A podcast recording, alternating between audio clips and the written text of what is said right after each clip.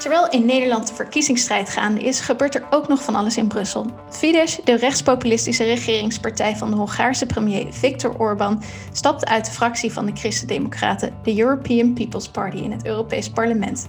Ook werd er deze week gedebatteerd over CBAM, oftewel een CO2-heffing op import aan de Europese buitengrenzen. En we moeten het nodig hebben over de Europese begrotingsregels in crisistijd. Welkom bij Bellen met Bas, de podcast over Europese politiek waarin we bijpraten met GroenLinks-Europarlementariër Bas Eickhout. Mijn naam is Mijke Vedder.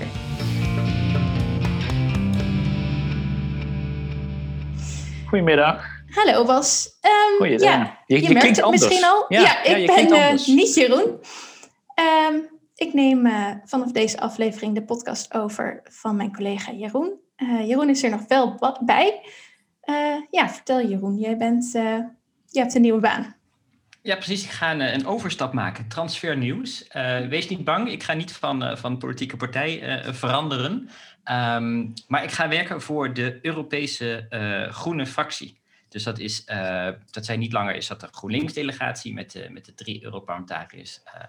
Zoals, nou goed, Bas, Tineke en, en Kim. Maar ik ga werken voor de 73 Europarlementariërs die zich hebben aangesloten bij de groene fractie in het Europees Parlement. dat zijn dus groene Europarlementariërs uit heel Europa.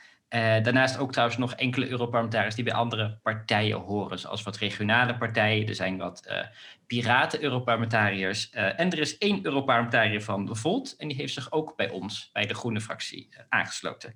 Um, en ik blijf daar werken op social media, op online communicatie, als lid van het social media team. Dus niet langer alleen voor GroenLinks, maar voor alle groenen in het Europees Parlement. Ja, leuk. Maar je bent uh, gelukkig dus nog wel in de buurt.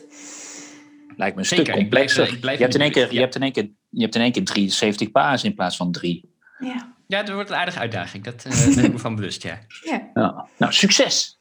Dankjewel. Yes. Um, wij gaan naar het eerste onderwerp. Uh, het vertrek van de Hongaarse partij Fidesz. Die stapte deze week uit de fractie van de Christen-Democraten in het Europese parlement. Uh, om dat te kunnen plaatsen moeten we denk ik even terug in de tijd. Um, er is namelijk een hele geschiedenis uh, aan vooraf gegaan. Fidesz is sinds 2010 aan de macht in Hongarije. En heeft daar de rechtsstaat eigenlijk stukje bij beetje afgebroken. Um, een aantal dingen zijn er gebeurd. De grondwet werd onder andere veranderd in, in het voordeel van de herverkiezing van de regeringspartij. Fidesz dus. Ook werden de rechter ontslagen uh, door ze vervroegd met pensioen te laten gaan. Er is veelvuldig corruptie met EU-subsidies. De mediavrijheid werd ingeperkt. Bijna alle media is in handen van Orbán zelf of zijn vrienden. De academische vrijheid werd ingeperkt. Zo werd de Central European University, uh, die moest vertrekken uit Budapest. LGBTI-rechten werden ingeperkt en er werd een zogenaamde Stop Soros-wet ingesteld om NGO's te weren en hulp aan migranten te criminaliseren. Ik denk nou, wel dat Orbán dit een heel eenzijdige ja, omschrijving van zijn beleid uh, vindt. Dat vrees ik ook. Maar uh, ja, het is volgens mij wel duidelijk dat het uh, met de democratie en de rechtsstaat niet zo serieus wordt genomen. Dat werd ook al aangetoond in het rapport van oud GroenLinks-Europarlementariër Judith Sargentini. En um, ja, die stemming zelf, die leidde al eigenlijk tot een breuk in de EPP, de, de familie van de Christen-Democraten. Uh, omdat een deel daarvoor stemde, maar een deel ook tegen. Gelukkig werd het rapport wel aangenomen door het Europees Parlement. Maar ja, al die tijd bleef Fidesz wel onderdeel van de fractie van de Christen-Democraten. Um, waar onder andere ook CDA en de ChristenUnie onderdeel van zijn. Um, ja, hoe zit dat nou? Was dat eigenlijk niet heel ongemakkelijk uh, al die tijd met Fidesz in hun midden. Ja, dat, dat, dat ligt er dus aan aan wie het vraagt. Uh, hij, laten we hier eerlijk zijn, CDA zat hier echt al heel veel langer mee. Uh, die, die zagen Fidesz wel liever vertrekken. Uh, al best wel een tijdje. En, en laten we eerlijk wezen, hè, wat je net allemaal beschreef. Uh, ja, wat je ziet, Orbán nu meer dan tien jaar aan de macht. En in al die jaren heeft hij ja, langzaam maar zeker zijn macht uitgebreid. En, en ja, wordt echt wel de rechtsstaat en de democratie langzaam maar zeker afgebroken in Hongarije. En dat, dat zie je ook aan uh, nou ja, het maatschappelijk debat. Hè. Media is bijna allemaal in handen van Orbán. Er zijn nog wat onafhankelijke websites die ook steeds moeilijker doorkomen. Radiostations zijn, is bijna niet meer mogelijk. Er zijn altijd argumenten waarom een radiostation moet sluiten. Uh, maar dat is toevallig altijd bij een kritisch radiostation. Ja, het, het deugt voor geen meter. Ehm, en, en eigenlijk was er al veel langer de kritiek op de christendemocraten, die nog altijd Fidesz en Orbán ja, beschermden. het, het, is de grootste fractie uh, En de grootste partij van Europa, dus een grote beweging. Hè. Uh, Merkel valt daaronder, uh, dus ook het CDA. Maar ook, ja, denk, denk, aan, denk aan Berlusconi, dat valt, die valt ook onder, die, onder de vleugels van de Christen-Democraten. En um, je ziet eigenlijk steeds meer een, een, een, een, een, een strijd gaande over waar moeten de Christen-Democraten naartoe. Hè, wat is de toekomst van de Christen-Democratische Partij?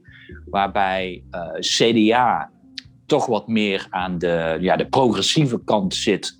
Door te zeggen van we zijn gewoon een, een, een klassieke christendemocratische partij, pro-Europees.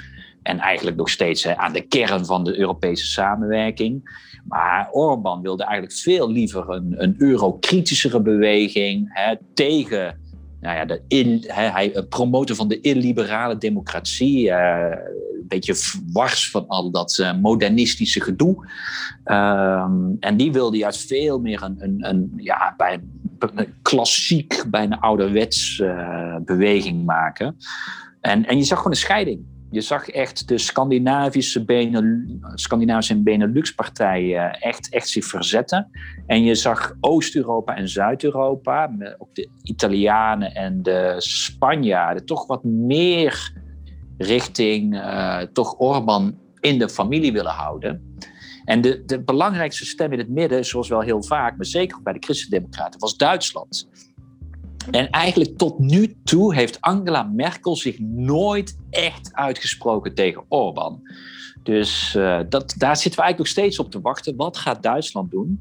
Maar uh, voordat dat uh, mogelijk was, heeft er toch wel een steeds grotere groep Europarlementariërs in ieder geval. Ja, die zich toch echt stoorden aan de houding van Orbán. Uh, en, en zeker ook de Europarlementariërs. Uh, en ik denk dat een beetje de druppel was toen de nieuwe voorzitter van de delegatie van Fidesz in het Europees Parlement, toen hij op een gegeven moment de voorzitter van de fractie, uh, Manfred Weber, eigenlijk ging uitmaken voor, ja, ik weet niet wat hij precies heeft gezegd, maar dat, dat waren wel weer, zeg maar, wat uh, zullen, zullen zeggen wat, wat, wat verwijzingen naar de Tweede Wereldoorlog. Naar een Duits Europarlementariër ligt dat altijd gevoelig. Uh, en, en toen was het echt was gewoon eigenlijk de maat vol voor de Europarlementariër. En is er een grote meerderheid die gewoon heeft gezegd: ja, wij willen, wij willen die, die, die, die, die, die Fidesz-Europarlementariërs gewoon niet meer in ons midden. En, uh, maar daarvoor moesten de statuten worden aangepast van de fractie. Want uh, ja, je kon tot dan toe alleen maar individuele leden wegsturen. Okay. En dus hebben ze ervoor gekozen om een hele fractie. En dus ze hebben die statuten aangepast. En ja, toen zei Orbán, nou, voordat jullie die nieuwe statuten gaan gebruiken, stap ik gewoon uit de fractie. Dus uh, Orbán, zoals wel vaker, kiest dan uh, de weg van de aanval. Wat? Willen jullie me ontslaan? Ik neem ontslag. En uh, ja, sindsdien zitten de Fidesz-Europarlementariërs niet meer bij de Christendemocraten. Nee, want om daar misschien nog even verder op in te gaan, hoe, hoe zit dat nou precies? Ze zijn nu zelf opgestapt, omdat ze eigenlijk dus anders weggestuurd zouden worden. Maar kan een, uh, ja, hoe gaat dat proces? Kan een partij zelf bepalen bij welke fractie zich aansluiten? En kan uh, zo'n fractie dan ook vervolgens dus zelf gewoon weer bepalen wanneer ze weggestuurd worden? Of ja, kijk, het verschilt natuurlijk allemaal van de regels per fractie. Uh, maar in ieder geval de christendemocraten hebben wel als regel nu dus dat ze in ieder geval als een hele delegatie kunnen ze uit de fractie zetten. Maar dat is, dat is eh, ja, het wordt altijd wat complexer. Alhoewel, dat heb je natuurlijk in Nederland ook. Hè. Je hebt de GroenLinks-fractie in de Tweede Kamer en je hebt de GroenLinks-partij. Nou, ja. dat heb je op Europees niveau ook. Je hebt de fractie van christendemocraten die gelieerd is aan de partij van de christendemocraten. Fidesz zit nog wel in de partij. Dus ze zijn uit de fractie gestapt, maar ze zitten nog wel in de partij van de Christen-Democraten. En de, het leiderschap van, van de partij zegt: ja, wij kunnen pas een besluit nemen over Fidesz. als we weer fysiek bij elkaar komen. Het is een beetje verschuilen achter corona op dit moment. Dus we Ja. zitten nu eigenlijk in een hele rare stadium dat de Europarlementariërs niet meer bij de fractie zitten, maar dat de partij Fidesz nog wel onderdeel is van de Europese partij van Christendemocraten. En zolang dat het geval is, kunnen de, eh Christendemocra- kunnen de Fidesz-Europarlementariërs niet heel eenvoudig lid worden van een andere fractie. Uh, ze kunnen dan wel weer per individu, dus elk individueel Europarlementariër van Fidesz kan wel naar een andere fractie, maar ze kunnen niet als Fidesz zeg maar, die stap nemen.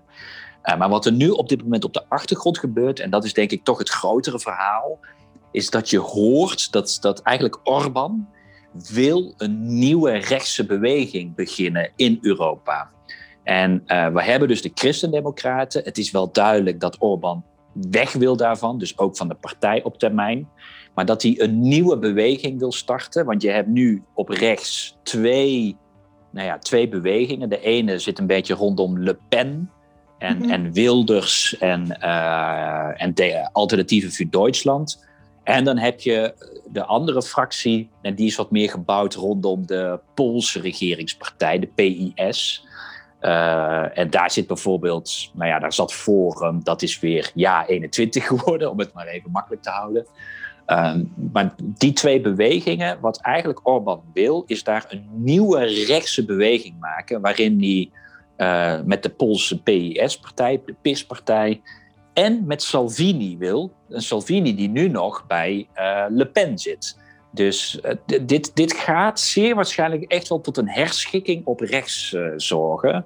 En ja. en ja, een nieuwe, ja, Orbán hoopt een nieuwe grote partij op rechts. Dat, dat is echt wel zijn droombeeld. En dus ook een nieuwe fractie in het Europees Parlement.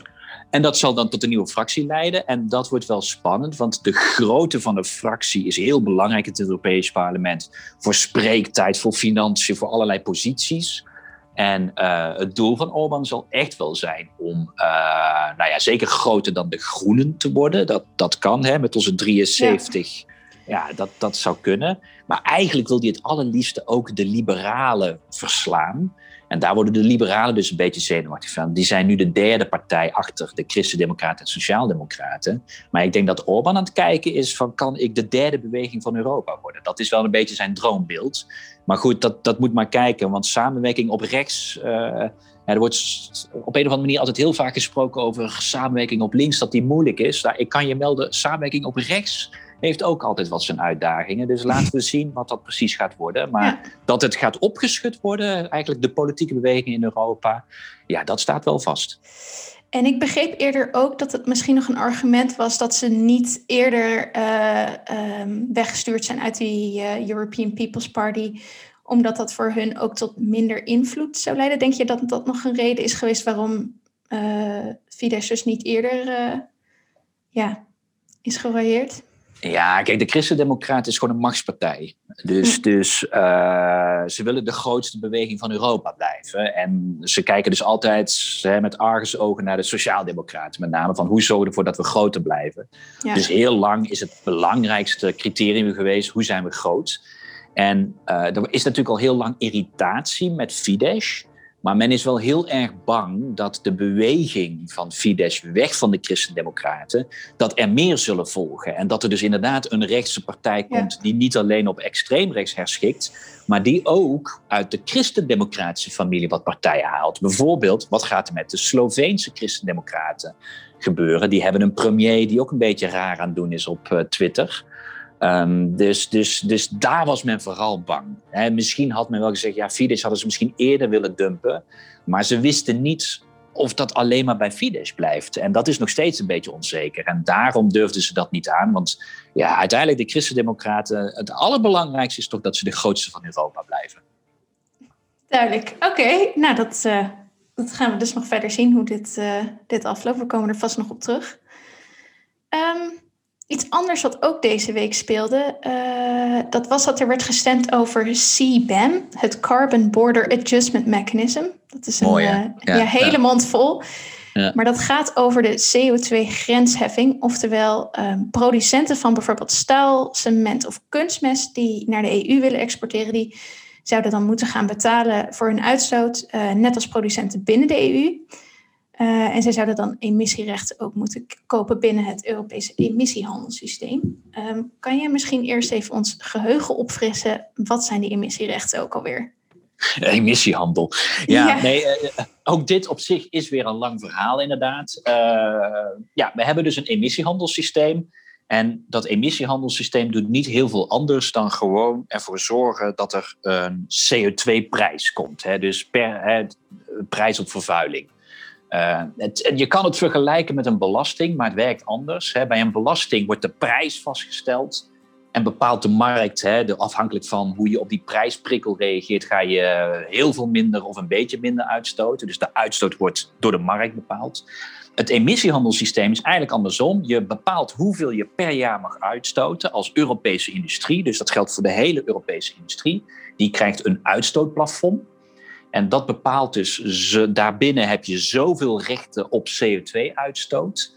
En vervolgens bepalen de bedrijven uh, ja, hoeveel ze ervoor over hebben om zulke rechten op te kopen. En wordt dus de CO2-prijs door de markt bepaald. Nou, op zich uh, kunnen een hele lange discussie houden. Wat is beter, belasting of emissiehandel? Ik moet heel simpel zeggen, op zich, vanuit een klimaatperspectief, wil je eigenlijk veel liever bepalen hoeveel er uitgestoten wordt. En de prijs is secundair. Dus dat pleit voor een emissiehandelssysteem. Maar wat nog belangrijker is, uh, belastingen, daar gaat Europa formeel niet over. Dus de enige manier om een CO2-belasting te heffen is uh, met unanimiteit. Elk land moet akkoord gaan. Nou, dat werkt niet zo heel goed.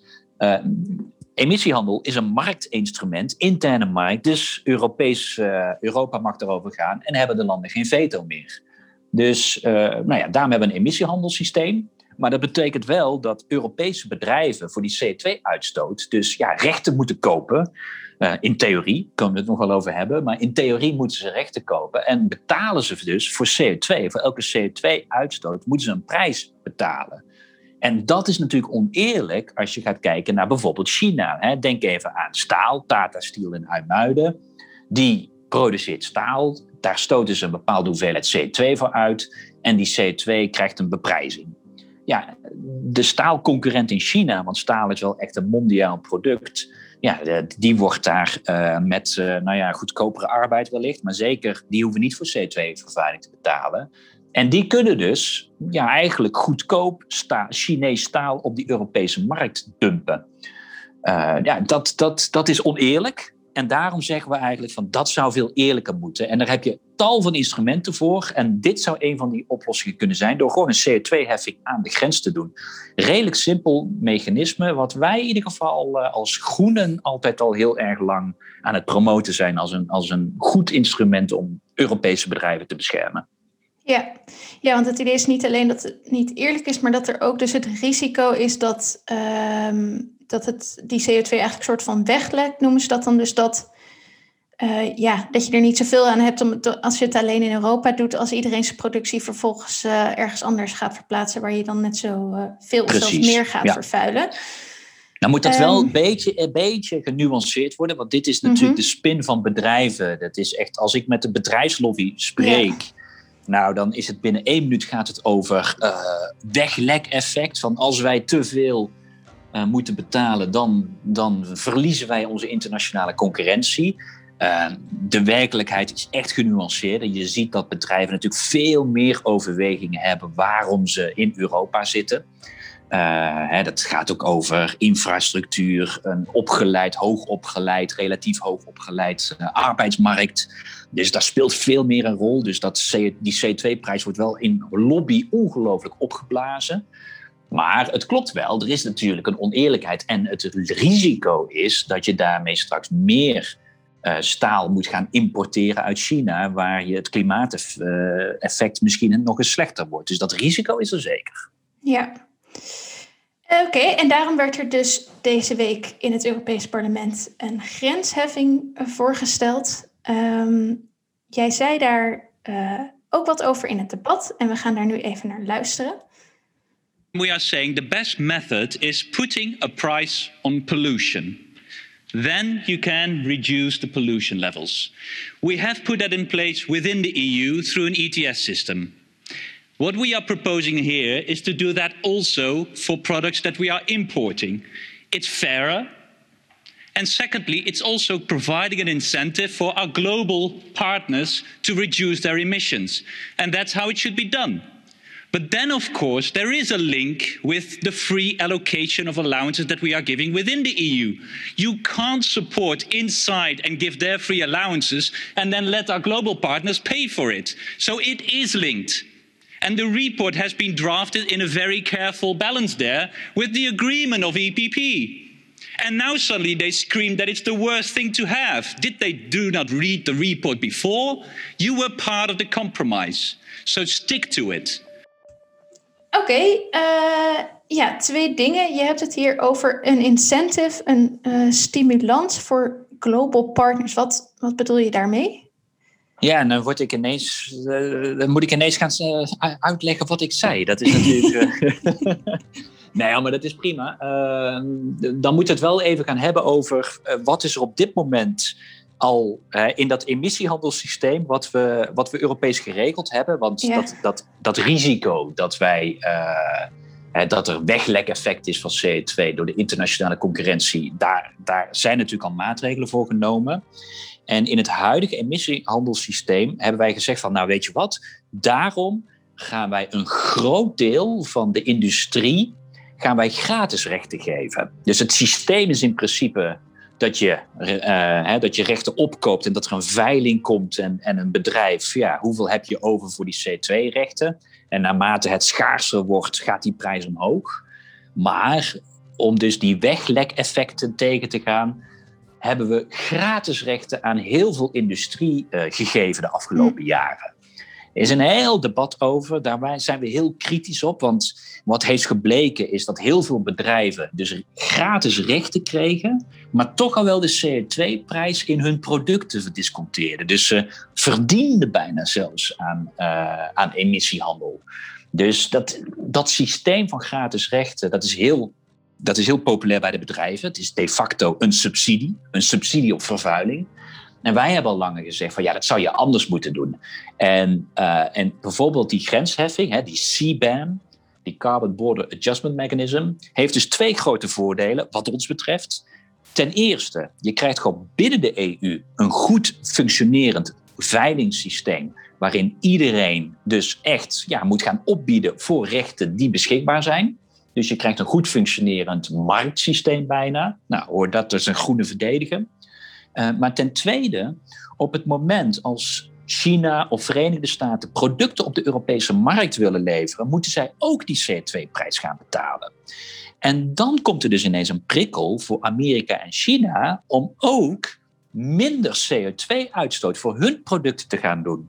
Want dan zal hun CO2-prijs aan de grens ook naar beneden gaan en kunnen ze beter concurreren. Dus via dit mechanisme krijg je ook een mondiale prikkel op uh, verschoning van de productieprocessen. Ja, dat is wat mij betreft nog eens een extra voordeel waarom wij heel erg voor dit mechanisme zijn en dat wij dus af willen van die gratis rechten.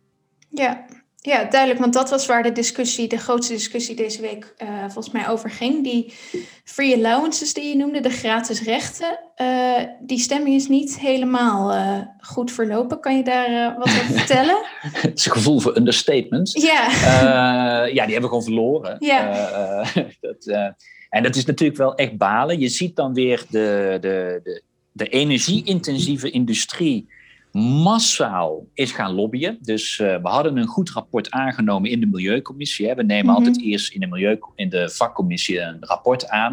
En dat stond gewoon prima in wat wij als Groenen willen, namelijk die twee systemen, gratis rechten en een grensheffing, kan niet allebei. Dat is dubbele bescherming en dat is eigenlijk ook oneerlijk. Wij denken ook dat de Wereldhandelsorganisatie die grote problemen mee gaat hebben. Maar het, het, het, deugt gewoon niet vanuit een, vanuit het principe van hoe wil je nou de Europese industrie beter beschermen. Dus wij hebben gezegd, het is een alternatief. Het is of je krijgt gratis rechten, of je gaat de andere partijen op de grens uh, voor het CO2 laten betalen. Maar wat de Christen-Democraten, daar heb je ze weer, eigenlijk geïnspireerd door de massale lobby van de energie-intensieve industrie. Wat die nu zeggen is: nee, maar die gratis rechten, die hebben wij gewoon nog nodig, omdat het een heel. Wij, we zijn al zwaar, het is moeilijk en we hebben het al zo zwaar in Europa. Dus we hebben die gratis rechten nodig. En daarnaast hebben we ook inderdaad nodig dat dat onze concurrenten aan de grens een CO2-heffing moeten betalen. Die willen dus van twee balletjes gaan eten. Uh, en, en helaas, de energie-intensieve lobby was succesvol. En een nipte meerderheid heeft nu eigenlijk die tekst veranderd. In plaats van te zeggen het zijn twee aparte systemen waarbij het een door het ander moet vervangen worden is eigenlijk nu het standpunt. Nee, het zijn twee parallele systemen en ze kunnen allebei in stand blijven. En helaas, CDA, VVD, SGP eh, hebben gewoon gestemd voor, uh, ja, voor, dit, uh, voor dit amendement, waardoor het dus een meerderheid heeft gekregen. En ja. ja, zijn wij genoodzaakt geweest om te gaan onthouden op, deze, op dit rapport, omdat ja, dit toch wel een belangrijk element is waar wij helaas moeten constateren dat, dat het op deze manier geen goede invulling zou zijn, als het aan ons ligt. Nee. Teleurstellend. Um, ja, hoe, hoe gaat het nu verder? Is er nog wat aan te doen? Nou, dit was, dit was een, een initiatiefrapport van het parlement, wat ja. betekent dat het uh, nog niet bindend is. Uh, maar, en daar hebben we het natuurlijk eerder over gehad en daar zullen we het nog best wel vaak dit jaar over gaan hebben. In juni gaat er een heel pakket komen van uh, de Europese Commissie om alle klimaatwetgeving van Europa aan te passen, hè, om die verhoogde klimaatambitie te halen. Uh, dus dat alle wetten zullen opengebroken worden en, en de commissie zal met een voorstel komen in juni. En de commissie heeft beloofd om in juni ook met een voorstel te komen voor die Carbon Border Adjustment Mechanism. Dus de CO2-heffing gaat komen, maar er zullen de grote vragen zijn hoe groot is dat instrument dan? Welke sectoren gaan er onder vallen? En wat betekent dat voor de gratisrechten eh, van het emissiehandelssysteem? En in die zin is het niet behulpzaam, om maar in jouw understatement te blijven. Het is niet behulpzaam dat nu het Europees Parlement heeft gezegd: Nou, Weet je, hou ETS maar zoals het is, emissiehandel. En dan doen we een leuk pilotje daarnaast voor uh, de C2-heffing. Terwijl wij veel liever hadden gezien dat dat echt een fundamenteel onderdeel wordt van de herziening van het emissiehandelssysteem. Maar de commissie is aan zet in juni. En uh, nou, laten we kijken wat ze, wat ze gaan voorstellen. Ja, ja we komen er uh, nog op terug. Um, Oké, okay, dan wil ik ook nog even vragen aan de luisteraars of zij ook nog een brandende vraag hebben over een moeilijke Europese term, zoals CBAM. Uh, want dan kunnen we volgende week uh, de volgende aflevering bespreken. Geef hem dan even door via vriendvandeshow.nl slash bellen met Bas. Um, en dan is het al tijd voor ons laatste onderwerp. De Europese begrotingsregels. Um, het klinkt niet heel spannend, maar toch is de kans groot dat het hier de komende maanden nog uh, veel over zal gaan. De vraag is namelijk hoe de Europese Commissie omgaat met begrotingstekorten en oplopende staatsschulden in deze coronacrisis en daarna. Um, Bas, kan jij kort vertellen wat de Europese begrotingsregels zijn? Ja, kort is misschien moeilijk, maar toch probeer het. Uh, en sinds ja. wanneer die nou gelden? Ja, dan moeten we volgens mij terug naar 1992, ja. het verdrag van Maastricht. Uh, maar oké, okay, laat ik daar niet in heel veel details ingaan. Maar um, uh, die begrotingsregels bestaan al een tijdje en die zijn natuurlijk heel erg uh, gekoppeld aan het begin van de euro, wat eigenlijk in 1992 uh, eh, is afgesproken. Het is een beetje een klassiek compromis tussen Frankrijk en Duitsland, tussen Noord- en Zuid-Europa, zeg maar. Maar dat is in het debat toch zeker in de jaren 90 wordt dat samengevat tussen Frankrijk en Duitsland, waarin Frankrijk heel erg die euro wilde. als een politiek project, nog steeds echt benadrukken. in Nederland is het altijd uitgelegd als een leuk economisch handig dingetje. Uh, maar dit was echt voor de Fransen. En daar zijn ze ook altijd eerlijk in geweest. Hè? Dus er is niks verzwegen. De Fransen hebben altijd gezegd: dit is een politieke, politiek instrument voor verdere verbinding van ons Europeanen. Uh, en, en daar waren de Fransen heel erg voor. En daar zat natuurlijk ook wel echt achter uh, de, de, de kloof die er in Europa is door de toch wat zwakkere munten in het zuiden, waarin heel vaak gedevalueerd moest worden en dergelijke. En de sterke Duitse mark.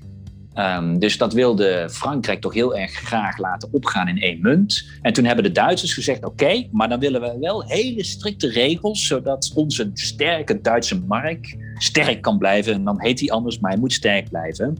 En de Duitsers hebben die obsessie met, uh, met, met staatsschuld. Hè, uh, dat, dat, dat gaat weer terug naar de jaren twintig uh, van de vorige eeuw. Ehm, en, en die hebben dus gezegd van, nou, er moeten hele strenge regels zijn voor begrotingstekorten. Die mogen niet te, te hoog oplopen. Dus dat betekent, je mag niet meer dan 3% per jaar een begrotingstekort hebben. En je totale staatsschuld mag niet meer dan 60%. Die twee redelijk simpele regels zijn eigenlijk een soort knellend harnas geworden waarin de hele economische samenwerking rondom de euro, ja, en er zijn helaas nog steeds economen, zelfs ook in Nederland, die zeggen, nou, die twee regels is voldoende en dan komt alles goed. Nou, totale onzin. Gelukkig heel veel economen die dat zeggen, dit is niet voldoende om een euro overeind te houden. Maar de meest bindende regels zijn nog steeds deze hele twee simpele. 3% begrotingstekort, niet meer dan dat, en 60% niet meer dan dat staatsschuld. Wat, uh, ja, wat ik zei, knellend harnas is. Overigens, Duitsland heeft de eerste jaren daar ook niet aan voldaan. Uh, maar goed, de laatste paar jaar wel. Uh, maar dat is in het, ten tijde van die eurocrisis een gigantisch. heeft dat gewoon tegendraads gewerkt. Vraag maar aan Griekenland. Kapotte economie moest nog verder bezuinigd worden. en, en nou ja, nu met corona zien we weer dat dat dus een heel knellend iets is, dat altijd in economisch zware tijden, dan heb je juist behoefte aan wat meer ruimte voor overheden om te gaan besteden. Ja, die begrotingsregels gaan dan juist het meest knellen in die tijd.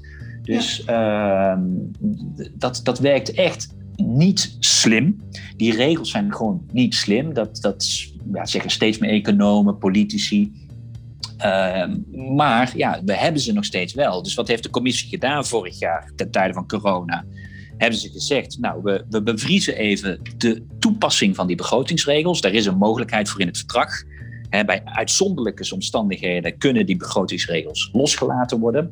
Nou, corona is best wel een uitzonderlijke uh, situatie. En nu is natuurlijk de vraag, en daar kwam de commissie deze week mee, ja, wanneer gaan we die begrotingsregels weer in ere herstellen.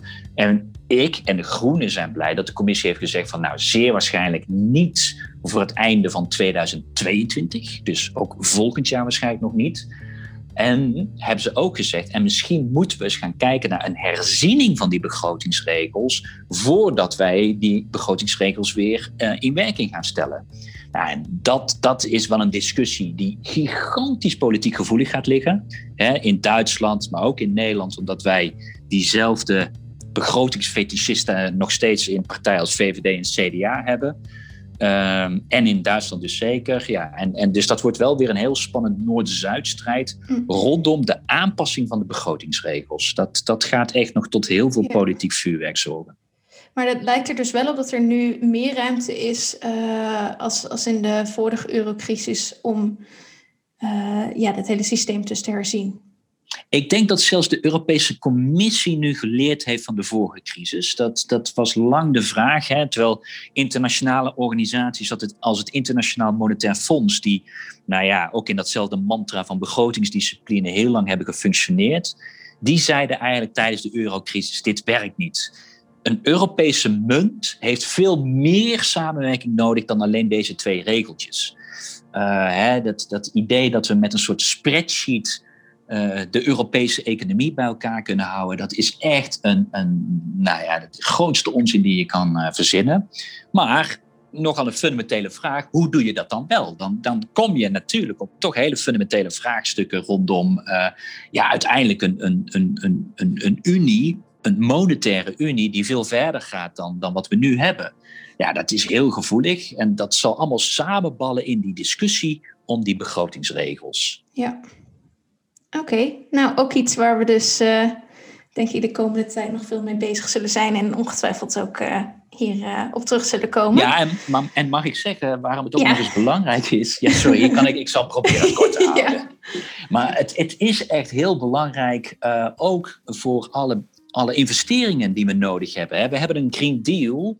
Dat is toch uiteindelijk hebben we hele ambitieuze doelen gesteld waarin we zeggen we willen onze economie eigenlijk gewoon een weggaan van een fossiele economie naar een duurzame groene economie. Dat is een gigantische transitie met heel veel kansen en baanpotentieel, maar het vergt een investering. Nou, als wij niet die begrotingsregels aanpassen, dan is er dus heel weinig ruimte voor overheden, zeker na corona, om nog maar iets te investeren. Dat kan voor onzekerheid zorgen voor de private investeerders. En wat je dan ziet, is dat die naar andere regio's in de wereld gaan. Kijk naar de Verenigde Staten, waar ze wel geld pompen. Hè. Nu ook weer Biden, 1900 miljard dollar die hij voor zijn uh, corona-investeringen heeft losgekregen. Dus Europa moet aanpassen, ook om die Green Deal te laten slagen met ruimte voor investeringen. Dus het is echt een hele fundamentele agenda en discussie die eraan gaat komen. Dan hou ik op. Duidelijk. Bedankt voor die toelichting nog. Um, Oké, dan was het hem denk ik voor deze week. Um, Bas, heel erg bedankt voor je tijd. We spreken elkaar snel weer. Ja, um, leuk. Ja. Leuk. En uh, ik hoop dat uh, Jeroen ook uh, blijft luisteren in ieder geval. Ja, dat uh, mag ik ook hopen.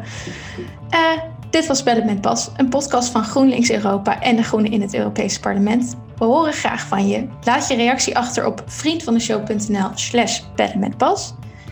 De audiovormgeving is door Cloak. Tot de volgende keer.